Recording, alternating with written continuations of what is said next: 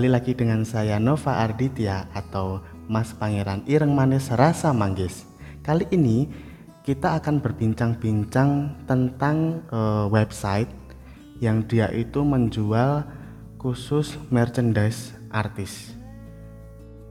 Nah, di depan saya sudah ada Mbak Isti selaku dari Funworld. Kita akan berbincang-bincang lebih jauh lebih dalam mengenai website Funworld itu sendiri.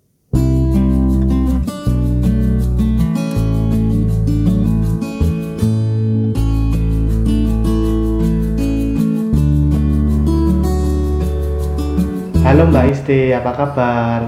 Kabar baik Mas Nova. Iya, kita ketemu lagi ya ini ya di podcastnya Samara. Siap, siap. Ini mau tanya-tanya tentang Funworld nih. Sebetulnya okay, Funworld itu apa sih Mbak? Funworld itu startup digital dari hmm, Solo. Hmm. Uh, kita punya misi gitu. Jadi kita pengen nih ngebantu musisi biar lebih fokus untuk bermusik gitu kan jadi biar mereka tuh lebih fokus untuk berkarya dan mungkin nyari job manggung kali ya yang paling penting lah buat mereka sementara nanti kita yang bakal urus nih proses produksi distribusi untuk album sama merchandise mereka kayak gitu sih nah di sini juga kita secara nggak langsung juga bisa memudahkan penggemar biar mereka bisa ngedapetin merchandise dari uh, artis atau musisi yang mereka sukai gitu. Oh, gitu. Jadi istilahnya kayak mendekatkan fans sama artisnya gitu ya. Iya betul banget sih. Terus awal mulanya gimana itu mbak?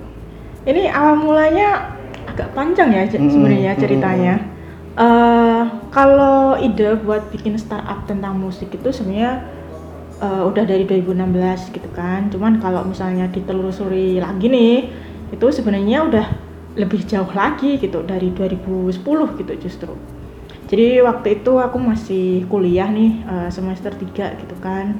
Dan awalnya hanya sekedar hobi aja gitu buat beli-beli CD ori gitu kan waktu itu buat koleksi kayak gitu kan. Dan kadang untuk bisa ngedapetin itu tuh uh, aku harus import gitu barangnya. Karena ada artis yang mungkin di Indonesia tuh kurang terkenal gitu. Jadi hmm. barangnya untuk yang produksi Indonesia nggak ada gitu kan. Akhirnya harus import semacam itulah. Nah dari situ yang awalnya cuma hobi pribadi gitu akhirnya uh, nyoba deh gitu ngejual ngejual koleksiku kayak gitu di hmm. internet atau enggak sekalian nawarin jasa nih buat ngedapetin apa CD ori gitu kan terutama yang di Indonesia tuh jarang kayak gitu makanya uh, sempat aktif di apa kos kaskus dan toko bagus ya waktu itu 2010 wow, ya, ya, ya, ya uh, waktu itu belum ada Tokopedia, belum ada Bukalapak atau yang marketplace yang lagi yeah. tenar lah ya kayak sekarang ini.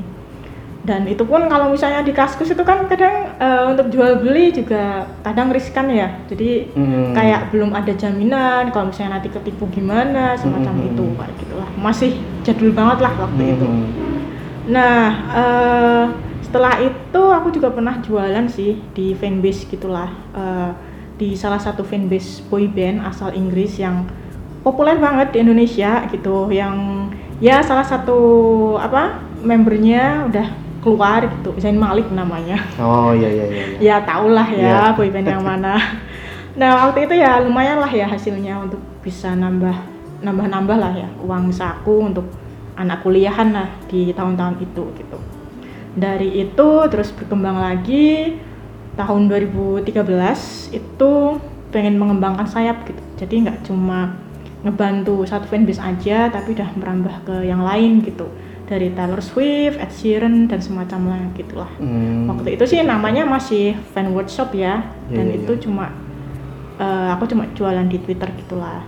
Nah baru nih 2016 kita uh, aku pribadi sih ya awalnya waktu itu pengen nyoba sesuatu yang beda kayak gitu. Karena udah mulai ada concern nih sama musik-musik di tanah air gitu kan.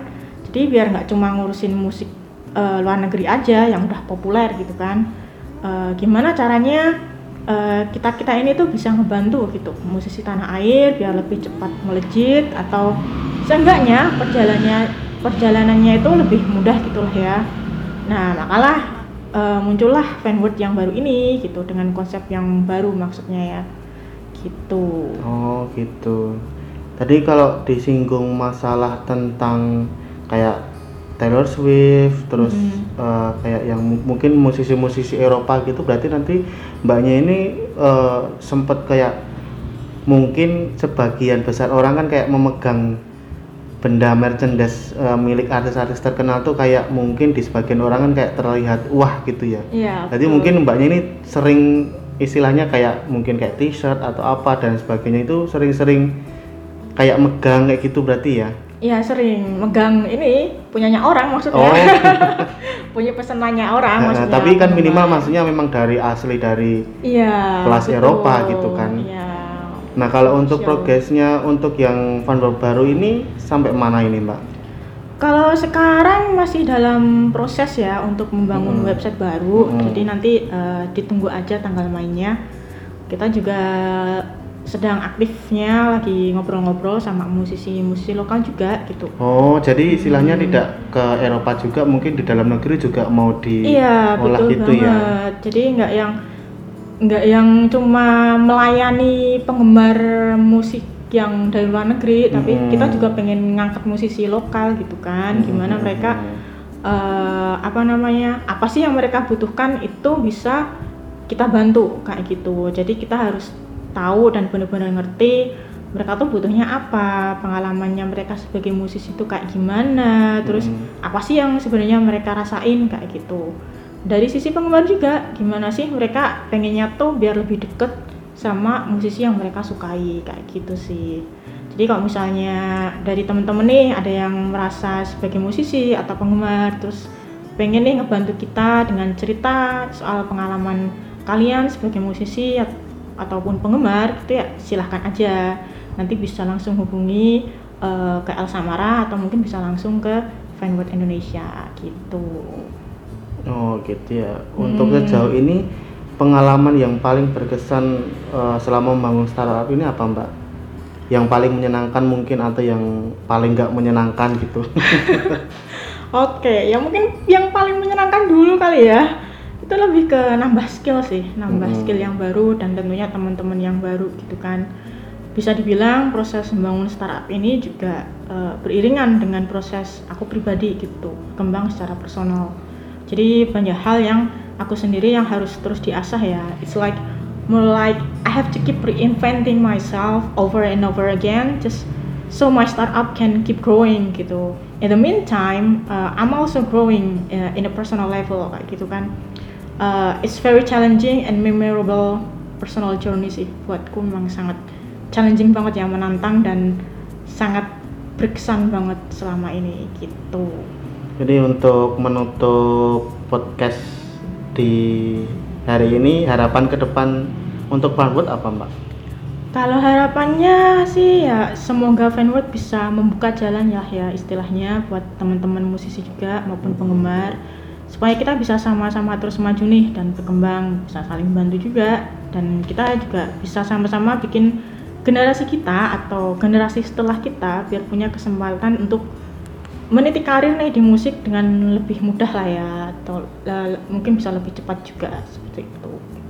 Oh gitu. Berarti terima kasih ya mbak ya Ya, atas kunjungannya juga. ke ruang podcast El Samara. Sama-sama Mas Nanti Nova. bisa kita buat buat yang part kedua lagi gitu. ya. Boleh siap-siap menarik sekali nih ngomongin kayak gini nih. Ya. nah, tadi kita sudah eh, mendengarkan perbincangan antara Nova Arditya dan juga Mbak Isti. Untuk selanjutnya kita akan bertemu lagi di podcast-podcast selanjutnya. Jangan lupa ikuti podcast El Samara. Dadah, sampai jumpa.